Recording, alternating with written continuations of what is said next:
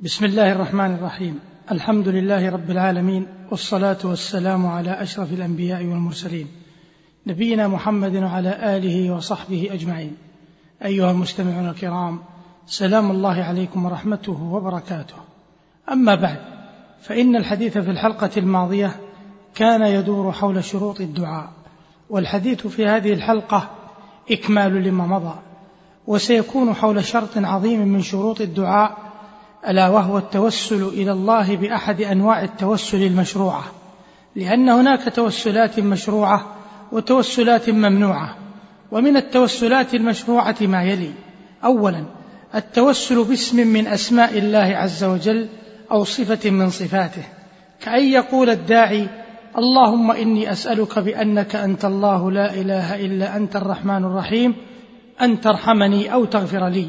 أو أن يقول يا رحمن ارحمني ويا كريم اكرمني أو يقول اسالك برحمتك التي وسعت كل شيء أو برحمتك استغيث ودليل هذا النوع قوله تعالى ولله الاسماء الحسنى فادعوه بها ثانيا من أنواع التوسلات المشروعة التوسل إلى الله بصالح الأعمال كأن يقول المسلم اللهم إني أسألك بإيماني بك أو بمحبتي لك أو باتباع لرسولك أو أن يذكر بين يدي دعائه عملا صالحا عمله ثم يتوسل به إلى الله تبارك وتعالى.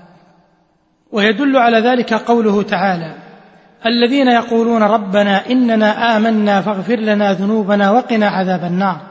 وقوله عز وجل ربنا إننا سمعنا مناديا ينادي للإيمان أن آمنوا بربكم فآمنا. ربنا فاغفر لنا ذنوبنا. ومن ذلك ما تضمنته قصة أصحاب الغار. فإن كل واحد منهم توسل إلى الله بعمل صالح فاستجاب الله لهم.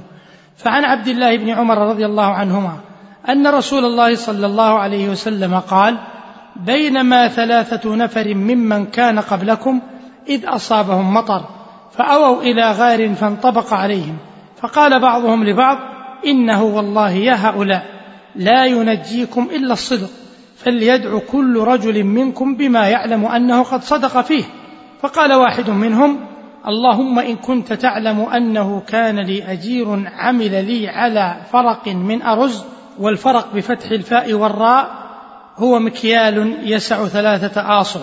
اللهم إن كنت تعلم أنه كان لي أجير عمل لي على فرق من أرز فذهب وتركه وأني عمدت إلى ذلك الفرق فزرعته.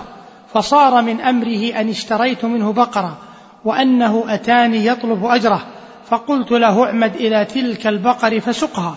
فقال لي إنما كان لي عندك فرق من أرز. فقلت له اعمد إلى تلك البقر فإنها من ذلك الفرق فساقها. فإن كنت تعلم أني فعلت ذلك من خشيتك ففرج عنا. فانساخت عنهم الصخرة أي انشقت.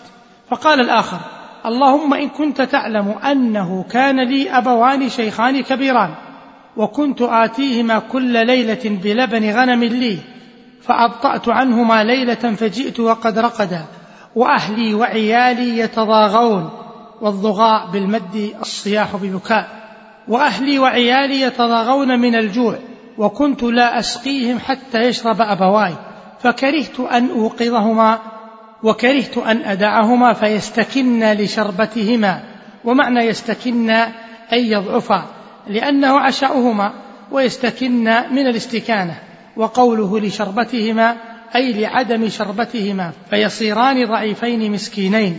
فكرهت أن أوقظهما وكرهت أن أدعهما فيستكن لشربتهما فلم أزل أنتظر حتى طلع الفجر. فإن كنت تعلم أني قد فعلت ذلك من خشيتك ففرج عنا. فانساخت عنهم الصخرة حتى نظروا إلى السماء. فقال الآخر اللهم إن كنت تعلم أنه كان لي ابنة عم من أحب الناس إلي وأني راودتها عن نفسها فأبت إلا أن آتيها بمائه دينار فطلبتها حتى قدرت فأتيتها بها فدفعتها إليها فأمكنتني من نفسها. فلما قعدت بين رجليها فقالت اتق الله ولا تفض الخاتم إلا بحقه أي لا تكسر. والخاتم كناية عن عذرتها وكأنها كانت بكرا وكنت عن الإفضاء بالكسر وعن الفرج بالخاتم. فقمت وتركت المئة دينار فإن كنت تعلم أني فعلت ذلك من خشيتك ففرج عنا. ففرج الله عنهم فخرجوا. رواه البخاري ومسلم.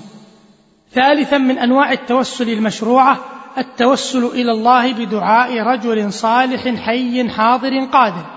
ويدل على ذلك حديث أنس رضي الله عنه عندما جاء الأعرابي والنبي صلى الله عليه وسلم يخطب يوم الجمعة فشكى له ما هم فيه من الشدة فدعا صلى الله عليه وسلم فلم ينزل من منبره إلا والمطر يتحاذر من لحيته رواه البخاري ومسلم.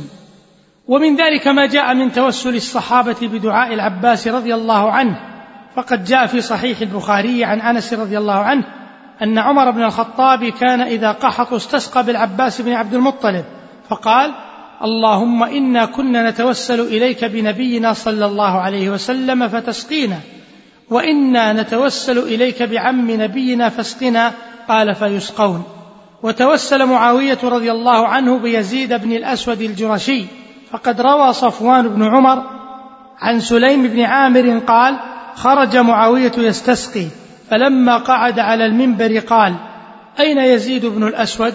فناداه الناس فأقبل يتخطاهم فأمره معاوية فصعد المنبر فقال معاوية اللهم إنا نستشفع إليك بخيرنا وأفضلنا يزيد بن الأسود. يا يزيد ارفع يديك إلى الله. فرفع يديه ورفع الناس فما كان بأوشك من ان ثارت سحابة كالترس وهبت ريح فسقينا حتى كاد الناس ألا يبلغوا منازلهم. وكذلك ما جاء في خبر أويس القرني رحمه الله فقد جاء في صحيح مسلم. كان عمر بن الخطاب إذا أتى عليه أمداد أهل اليمن سألهم أفيكم أويس بن عامر؟ حتى أتى على أويس فقال أنت أويس بن عامر؟ قال نعم.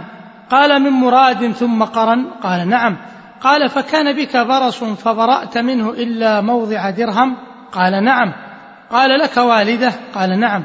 قال سمعت رسول الله صلى الله عليه وسلم يقول يأتي عليكم أويس بن عامر مع أمداد أهل اليمن من مراد ثم من قرن. كان به برص فبرأ منه إلا موضع درهم. له والدة هو بها بر. لو أقسم على ربه لأبره. فإن استطعت أن يستغفر لك فافعل فاستغفر له. ففيما مضى من الآثار دليل على نوع من أنواع التوسل ألا وهو التوسل إلى الله بدعاء رجل صالح حي حاضر قادر. رابعا من أنواع التوسل المشروعة إظهار الافتقار والذلة والاعتراف بالذنب والتقصير كأن يقول العبد اللهم إني عبدك الفقير المقصر على نفسه أسألك بأن تغفر لي. ويدل على ذلك قوله تعالى عن يونس عليه السلام فنادى في الظلمات أن لا إله إلا أنت سبحانك إني كنت من الظالمين. وقوله عن موسى عليه السلام رب إني لما أنزلت إلي من خير فقير.